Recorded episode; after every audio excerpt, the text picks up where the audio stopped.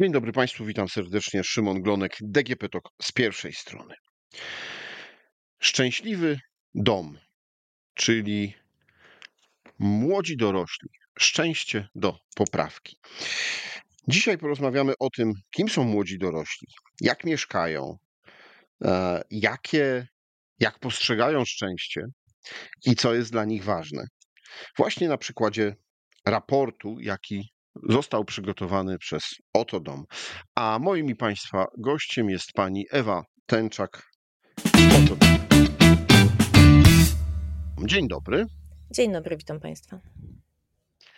A cóż to za projekt y, i e, którego wynikiem jest ten raport o szczęściu młodych dorosłych?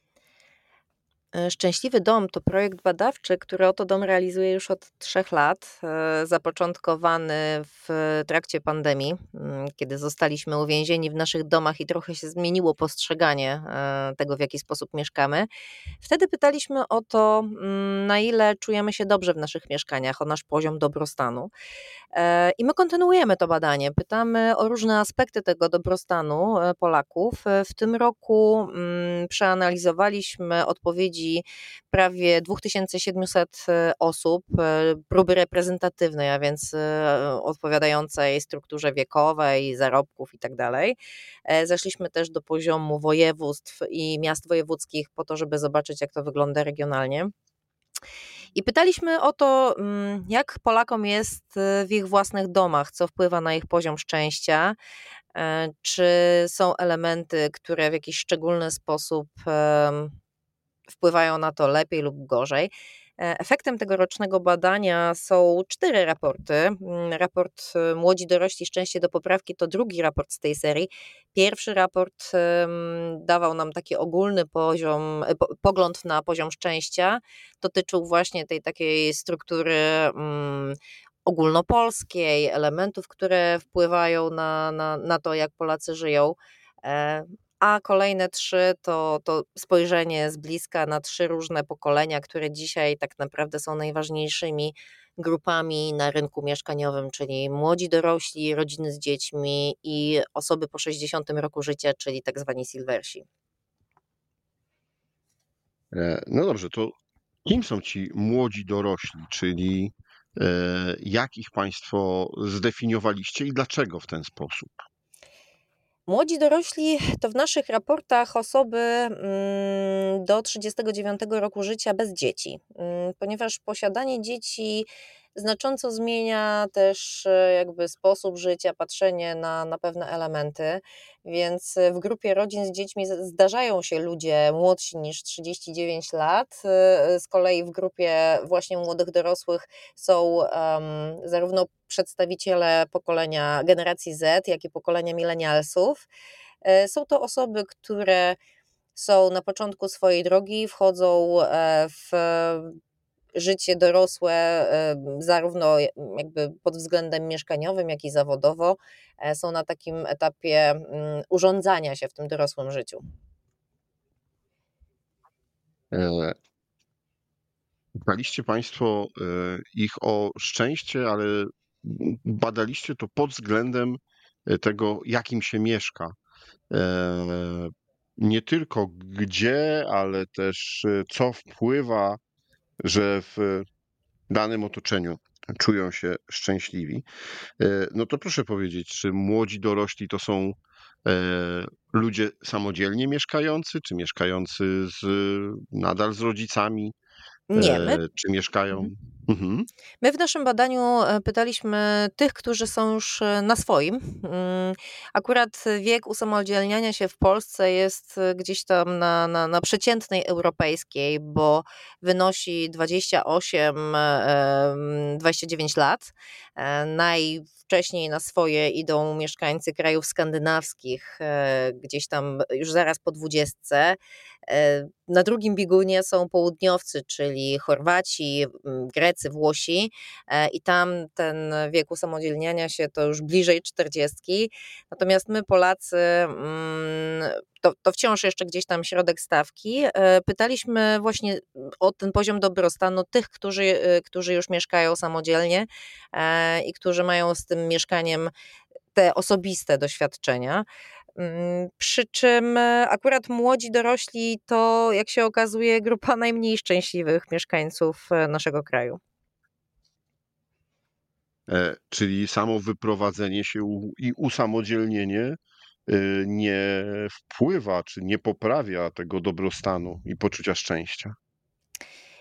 Nie, nie poprawia, aczkolwiek na to poczucie szczęścia wpływa bardzo wiele różnych czynników. My, podchodząc do tego rocznego badania, e, zastanawialiśmy się, czy te wyniki w ogóle dla całego społeczeństwa ulegną poprawie. Raczej spodziewaliśmy się, że, że ulegną pogorszeniu, e, bo to ten subiektywny poziom szczęścia, subiektywny deklarowany przez mieszkańców Polski poziom szczęścia, e, przecież może zależeć od bardzo wielu czynników. Proszę zauważyć, mieliśmy e, w tym roku i jeszcze w poprzednim do czynienia ze splotem bardzo wielu takich elementów, które e, można powiedzieć negatywnie na nas wpływają. Przede wszystkim wybuch wojny w Ukrainie, ale też sytuacja makroekonomiczna, a zatem wzrost stóp procentowych, a zatem wysoka inflacja, uszczuplenie tego domowego budżetu.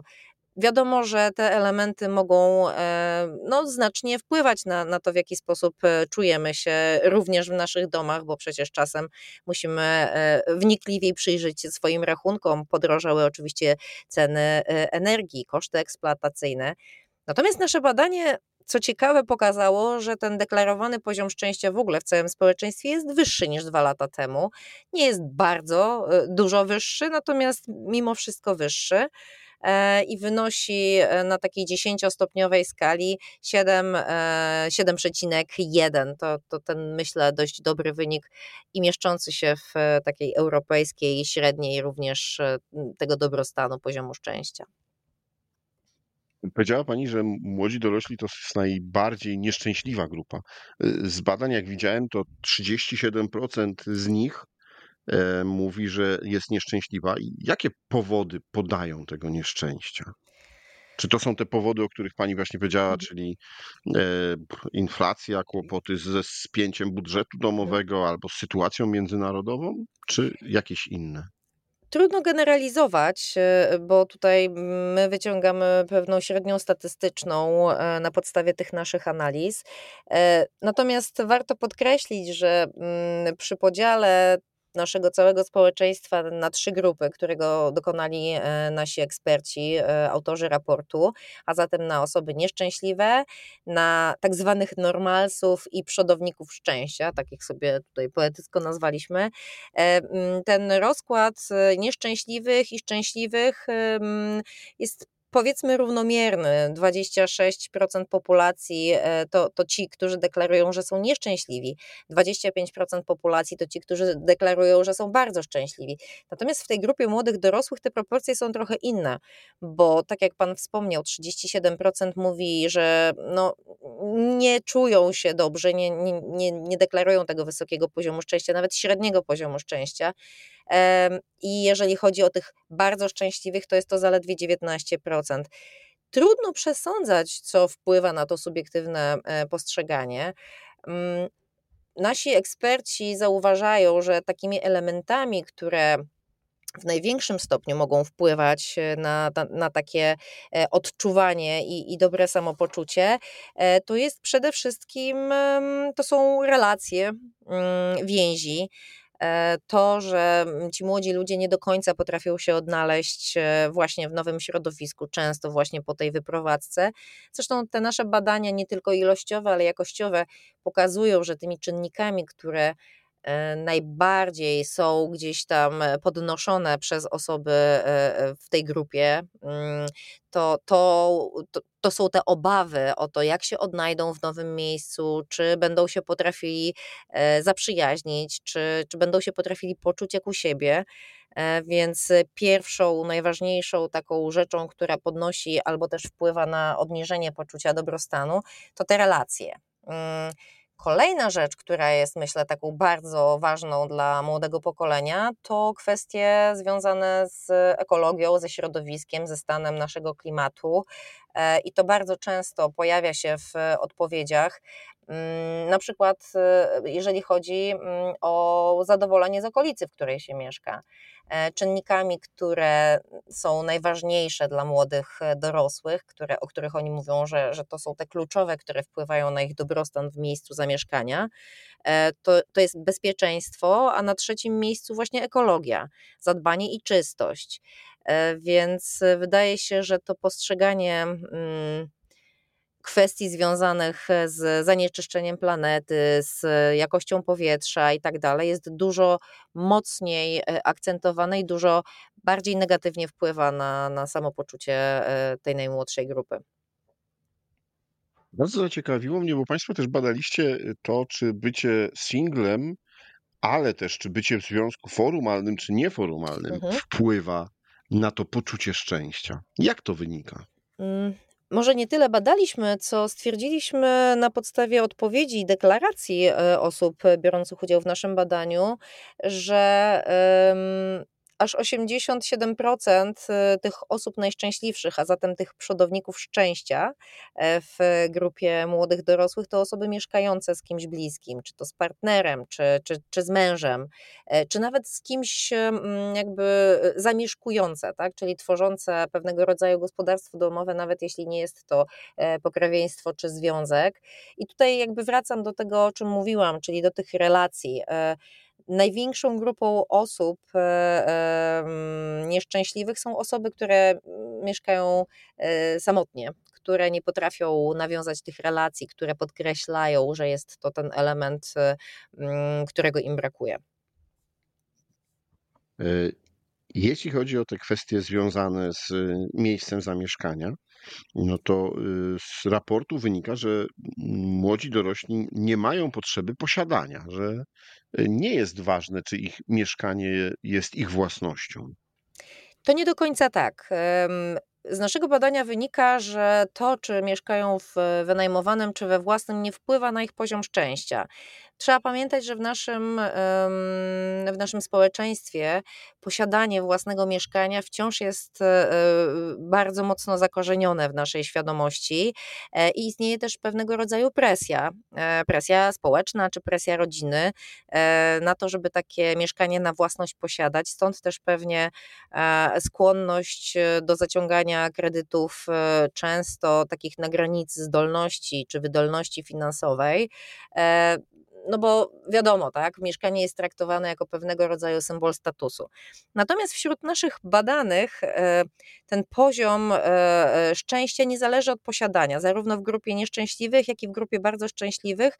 Ten odsetek właścicieli jest podobny, on jest na poziomie 40-42%, więc tutaj nie można powiedzieć, że sam fakt posiadania tego mieszkania wpływa na mm, na poczucie szczęścia. Natomiast być może jest trochę też tak, że te inne czynniki związane z e, posiadaniem mieszkania y, y, to szczęście budują, czyli na przykład takie poczucie bezpieczeństwa, czy zadomowienia się, czy mm, świadomość pewnego rodzaju wpływu i sprawczości, bo to też jest element, który jest bardzo ważny e, w przypadku młodych, e, który Y, jakby daje im taką um, świadomość tego, że są w stanie coś zmienić, że coś jest w ich rękach, więc y, być może w jakimś tam stopniu um, to posiadanie własnego e, mieszkania, w którym możemy coś zmienić, koreluje.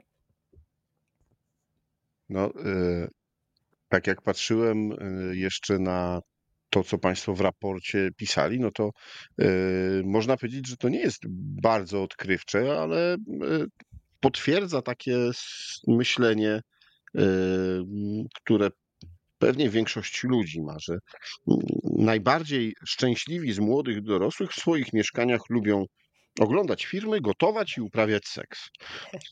Można powiedzieć, że to taki standard. I tak, i nie. Proszę zauważyć, że te elementy, które ludzie lubią robić w swoim własnym domu, one się dość mocno pokrywają e, z tą piramidą potrzeb Maslowa. Bo jeżeli mówimy o tym, że lubimy odpoczywać czy oglądać filmy, to też kojarzymy to z takimi fizjologicznymi potrzebami odpoczynku, snu. E, również uprawianie seksu to jest jedna z tych fizjologicznych potrzeb. E, dalej, gdzieś tam wymienianych elementach, które wpływają na nasz dobrostan, są rzeczy związane z, no właśnie, na przykład gotowaniem, czyli zaspokajaniem potrzeby głodu, ale też z relacjami, spotykaniem się ze znajomymi. Więc to są te rzeczy, które, no niby nie odkrywcze, ale pokazują, że Mieszkanie jest też takim jakby odwzorowaniem tego, co mm, człowiek jest skłonny robić, żeby zaspokoić swoje potrzeby takie generalnie. No dobrze, skoro to szczęście jest do poprawki, bo, bo ta grupa społeczna jest powiedzmy najmniej szczęśliwa, e, to czy z raportu można wyciągnąć jakieś wnioski, e, co zrobić, żeby poprawić to szczęście, żeby, żeby ta grupa, no właśnie, ten dobrostan jakoś mogła jednak osiągnąć? Tak, myślę, że są dwie takie podstawowe rzeczy, które mm, możemy polecić albo zarekomendować e, młodym. To jest właśnie przede wszystkim takie wyjście mm, do społeczności lokalnej, próba nawiązania kontaktów. Proszę zauważyć, starsi ludzie często e, są bardziej otwarci na przykład na nawiązywanie kontaktów, nawet z nieznajomymi, e, na relacje z sąsiadami, e, na to, żeby mieć znajomą panią w warzywniaku. Młodzi ludzie trochę jeszcze muszą tę umiejętność w sobie wyrobić.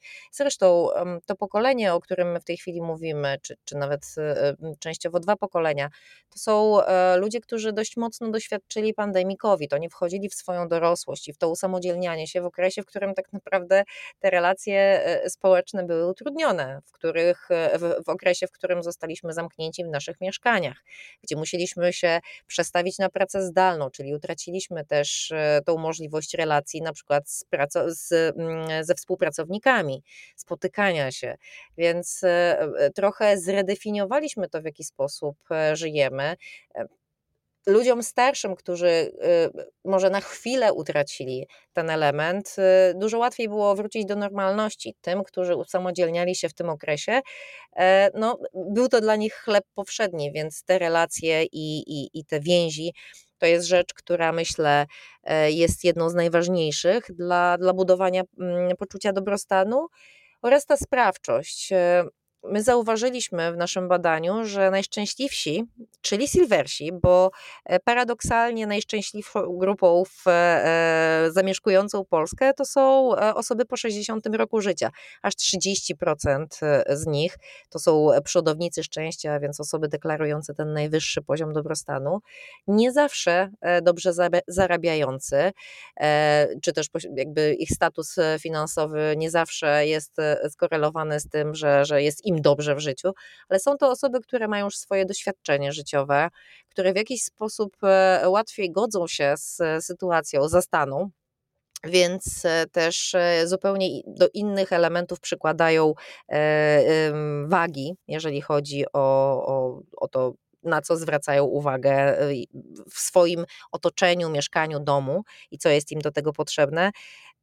No i e, tutaj jakby e, widzimy, że ci młodzi muszą jeszcze trochę, e, żeby nie powiedzieć pożyć, ale muszą trochę zgromadzić tych swoich doświadczeń, żeby sobie te priorytety na, na swojej drabinie szczęścia um, poustawiać i że to zaangażowanie ich w życie powinno się koncentrować właśnie na działaniu, a nie tylko na biernym oczekiwaniu, że może się coś jednak wydarzy, że. Um, że to szczęście do nich przyjdzie. Szczęście nie przyjdzie, szczęście sobie trzeba wypracować.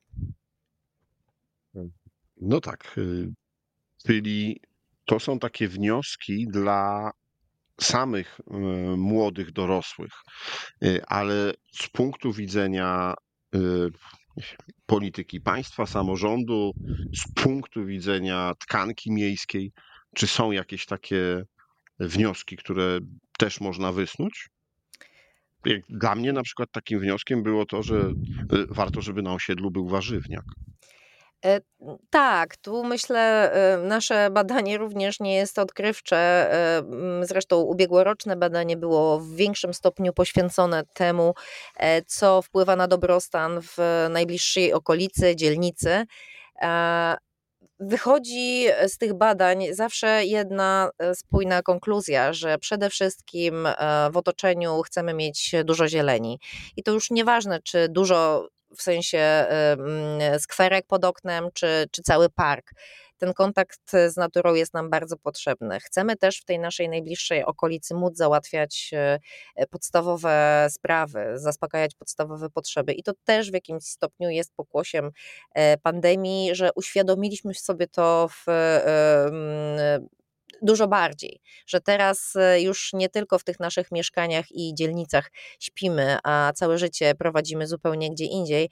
Dzisiaj dużo bardziej doceniamy to, że możemy na przykład pójść zrobić e, zakupy i to nie tylko te podstawowe bułki, ale e, również takie znacznie bardziej zaawansowane zakupy, ale też to, że możemy na przykład spotkać się ze znajomymi w kawiarence na osiedlu, czy też, że mamy tam oddział poczty albo placówkę banku, czyli to ta koncepcja miasta 15-minutowego, która znowu mm, e, doszła do głosu jeszcze z większą siłą niż wcześniej, e, wydaje się taką receptą też na poziom szczęścia z tego poziomu urbanistyki i um, nie wiem, e, architektury.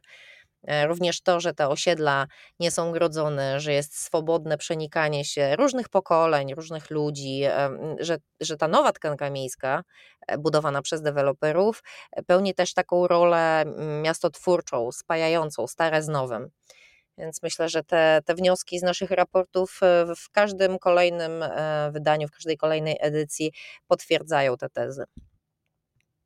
Dziękuję Pani bardzo za rozmowę i przybliżenie e, wyników e, badań zawartych e, w raporcie Szczęśliwy Dom Młodzi Dorośli Szczęście do poprawki.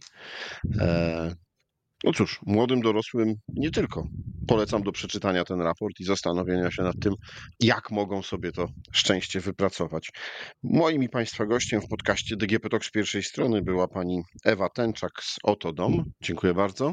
Bardzo dziękuję. Rozmawiał Szymon Glonek. Do usłyszenia.